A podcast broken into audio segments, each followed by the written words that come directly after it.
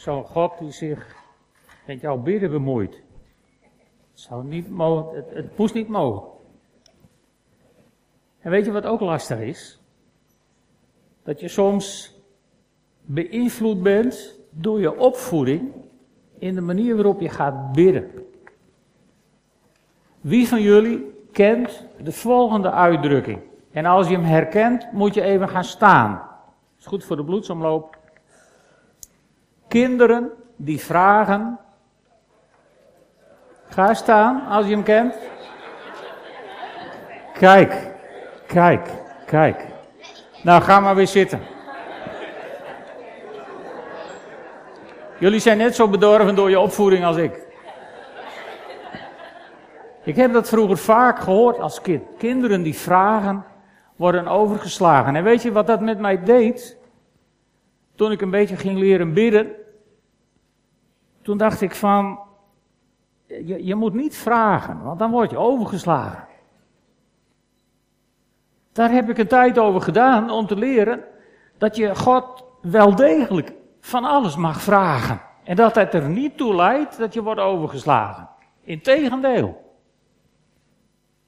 Er is, en, en, er zijn nog van die andere dingen die als ouders vaak tegen je kind zegt. En je kind vraagt je of iets mag. En je zegt nee. En ze blijven maar zeuren.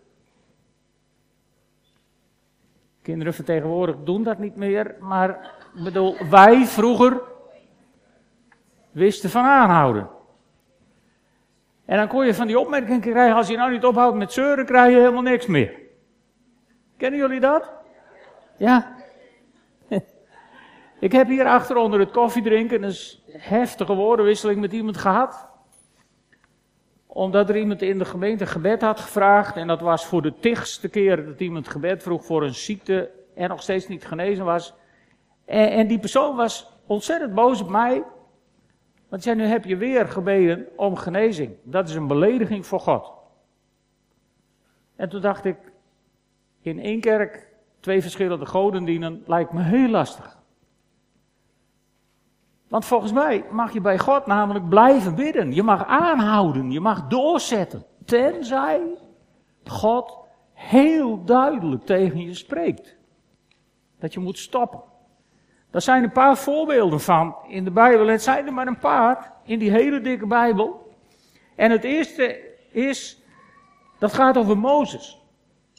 Mozes die moest op een gegeven moment spreken tegen een rots, omdat er geen water was.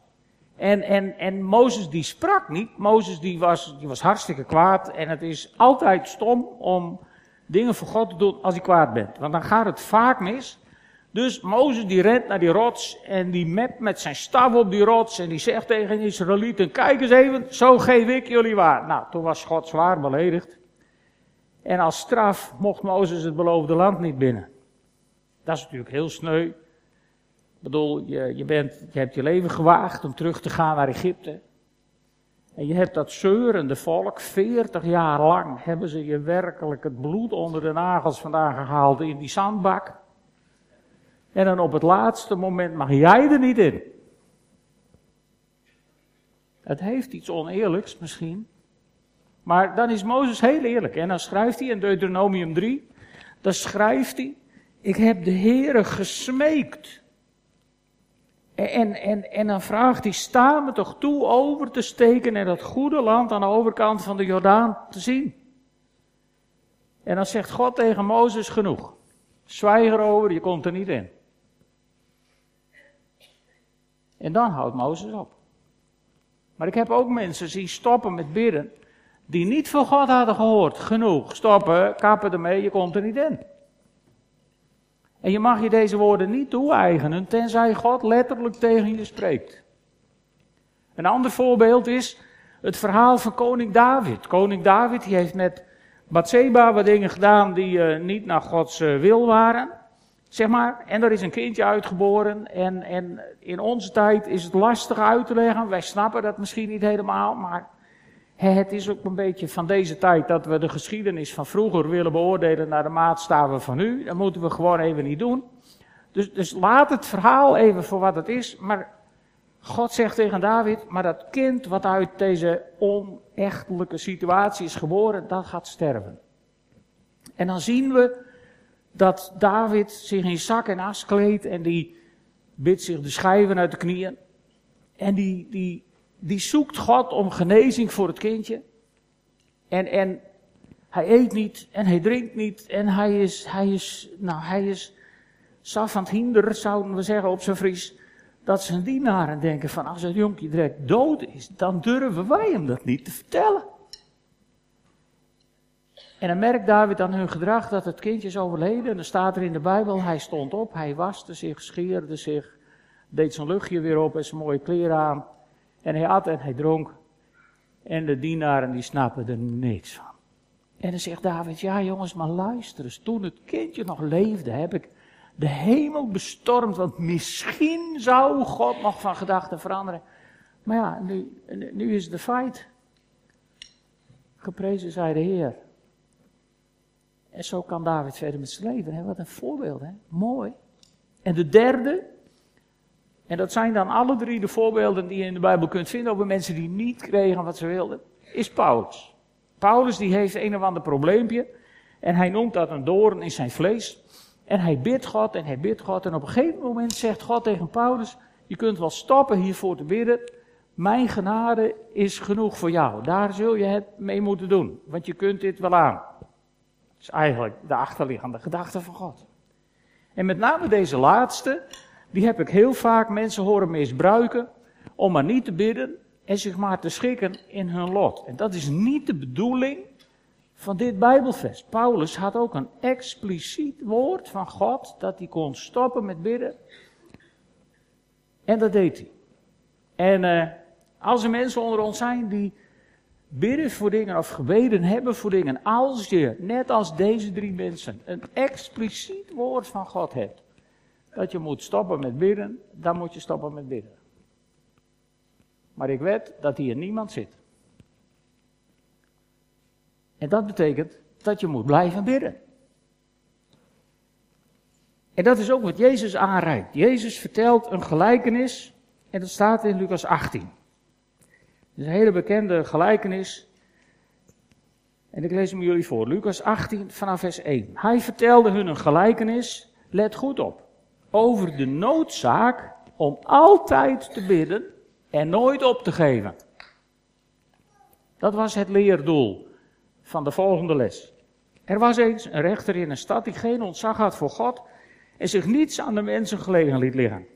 Er woonde ook een weduwe in die stad, die steeds weer naar hem toe ging met het verzoek, doe mij recht in het geschil met mijn tegenstander. Dus ze had kennelijk verschil van mening met iemand en ze zoekt de rechter om haar recht te krijgen. En uh, zoals het in die tijd was, moesten rechters, die werden, die werden betaald niet door de overheid, maar door degene die wat wilde. En die rechter had al lang gezien, bij deze weduwe is niks te halen. Dus die denkt van nou, uh, zoek het uit. En uh, dat staat hier ook, hè. maar lange tijd wilde hij dat niet doen. En tenslotte zei hij bij zichzelf, ook al heb ik geen ontzag voor God en laat ik me niets aan de mensen gelegen liggen, toch zal ik die weduwe recht verschaffen omdat ze me last bezorgt. Anders blijft ze eindeloos bij me komen en straks vliegt ze me nog aan. Dat wilde hij recht. Dus die weduwe, die wist wel van aanhouden. Hè? Dit was dit was zo iemand die poeierde je niet af met uh, gewoon negeren. Die rechter kwam erachter, negeren is geen oplossing. De kop in het zand betekent ook niet dat dit probleem wel weggaat, want ze vliegt me straks nog aan. En het was in die tijd, ik bedoel tegenwoordig ga je dan een aanklacht indienen bij de politie, omdat je bent aangevallen.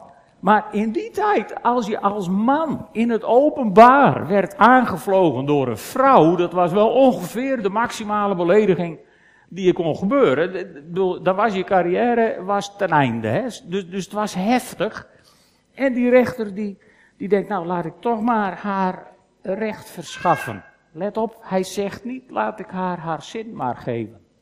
Die rechter zegt ook niet van, nou ja, laat ik dan maar uh, onrecht doen. Laat ik haar maar gelijk geven voor de lieve vrede. Nee, dat zegt hij niet. Hij zegt, ik ga haar recht verschaffen. En dan zegt Jezus, luister eens naar wat deze rechter zegt. Al minacht hij ook het recht, zal God dan niet zeker recht verschaffen aan zijn uitverkorenen die dag en nacht tot hem roepen? Of laat hij hem wachten? Bij dat laatste heb ik, heb, ik de neiging om te zeggen, ja, ja, hij laat me wel eens even wachten. Ja. Misschien hebben jullie dat ook wel eens. Ik zou zelfs durven zeggen, God laat je wel eens wat erg lang wachten. God is nooit te laat. Maar het is wel eens kantje boord, voor mijn gevoel. Hebben jullie dat niet? Soms denk je van, nou, het had wel wat eerder gekund. Had mij een hoop zorgen bespaard. Hè? Had ik een hoop slapeloze nachten niet gehad. Maar, maar wat Jezus nou zegt, het is juist niet de bedoeling dat je slapeloze nachten hebt. Het is juist de bedoeling dat je vertrouwt dat als je de dingen bij God neerlegt, dat Hij er wat mee doet. Misschien niet op jouw tijd en op jouw moment, maar dan zegt hij van, kijk eens, hij zal hun spoedig recht verschaffen, maar als de mensenzoon komt, zal hij dan nog geloof vinden op aarde? Dat is eigenlijk de twijfel die Jezus heeft. Geloven jullie wel dat als je bidt, dat God daar dan wat mee gaat doen? Op zijn tijd en op zijn manier. Dus je bestelling wordt niet altijd afgeleverd zoals je hem besteld had. Er zit wel eens wat variatie in, maar uiteindelijk als je terugkijkt op je gebedsverhoringen, dan heeft God het altijd keurig opgelost. Toch? Maar er zijn ook gebeden die niet beantwoord zijn. En meestal zijn dat gebeden waarbij God ook niet gezegd heeft: Het is genoeg, je hoeft er niet meer voor te bidden, hier moet je het mee doen. En wat moet je dan in zulke gevallen? Wel, ik denk dat dan nog steeds deze gelijkenis van toepassing is. Dat je blijft bidden en dat je God blijft zoeken en dat je het bij God blijft neerleggen. Al was het alleen maar om van die steen op je hart af te komen en dat af en toe even verlichting in te vinden door er met God over te praten. Dat is het grote voorbeeld van bidden.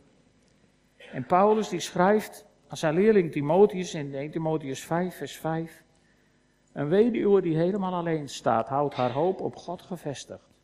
En blijft bidden en smeken, dag en nacht. En Paulus schrijft daar niet bij dat ze niet moet zeuren, maar dat het wel mooi geweest is. Paulus schrijft daar ook niet bij dat kinderen die vragen worden overgeslagen. Paulus die zegt, als je helemaal alleen ervoor staat en je ziet geen uitweg meer, dat was de positie van een weduwe in die tijd, zonder sociale voorzieningen. Als het helemaal hopeloos is, blijf bidden en blijf smeken, dag en nacht. Blijf het bij God brengen en blijf zijn troost ervaren. Blijf putten uit de kracht die God geeft in de situatie waar je in bent. Nou, zo zijn er allemaal verschillende mogelijkheden. Je kunt van God een woord krijgen dat je niet gaat krijgen wat je wilt. Maar dat is heel zeldzaam. Je kunt gewoon verhoord worden doordat God op een gegeven moment wel doet wat je hebt gebeden. Dat is denk ik het meest voorkomende. En soms zijn er situaties waarin je je nood elke keer weer bij God neerlegt. En het lijkt alsof God je niet hoort. Maar zelfs als je in die situaties, waarin je denkt dat God niet hoort, terugkijkt op je eigen leven, dan moet je je toch af en toe verbazen over de kracht die je van God hebt gekregen. Om om te gaan met datgene in je leven wat je zo graag anders had gewild. Of niet dan? Ook dan moet je toch kunnen zeggen als je terugkijkt dat God in de situatie is en dat hij kracht heeft gegeven en troost heeft gegeven en heeft bemoedigd. En dan nog is de oproep van Jezus, blijf bidden. En dat is ook wat we, wat we nu gaan doen in het volgende onderdeel van deze dienst. Er zijn overal gebedshoekjes in de kerk en daar, uh, daar mag je gaan bidden. Misschien mag je daar bidden straks om iets wat je God nog nooit hebt gevraagd. Nog nooit hebt gedurfd. Maar je mag ook gaan bidden voor dingen waar je al zo lang voor bidt. Je mag zelfs in die gebedshoekjes gaan bidden voor dingen waarvoor je al lang bent opgehouden met bidden, omdat je de moed hebt opgegeven. Want mijn grote oproep deze ochtend is: blijf bidden. Blijf in gesprek met God over je situatie. En net zoals in dat toneelstukje, zul je af en toe merken dat God wat terugzegt. Dat God actief is, dat God reageert. Dat God wat doet. Er is één zinnetje wat ik mijn hele leven nooit heb onthouden. Ondanks het feit dat ik dacht dat kinderen die vragen werden overgeslagen. Maar op de basisschool, in groep 8, wat toen nog zesde klas heette. Toen zat je bij de hoofdmeester in die klas. Had ik een hoofdmeester en die had één uitspraak. En dat zei hij elke dag wel een keer. God laat nooit een bidder staan. En dat heeft als kind ontzettend veel indruk op me gemaakt. God laat nooit een bidder staan. En ik wil mee uitnodigen om jullie mee te nemen in de gebedshoekjes.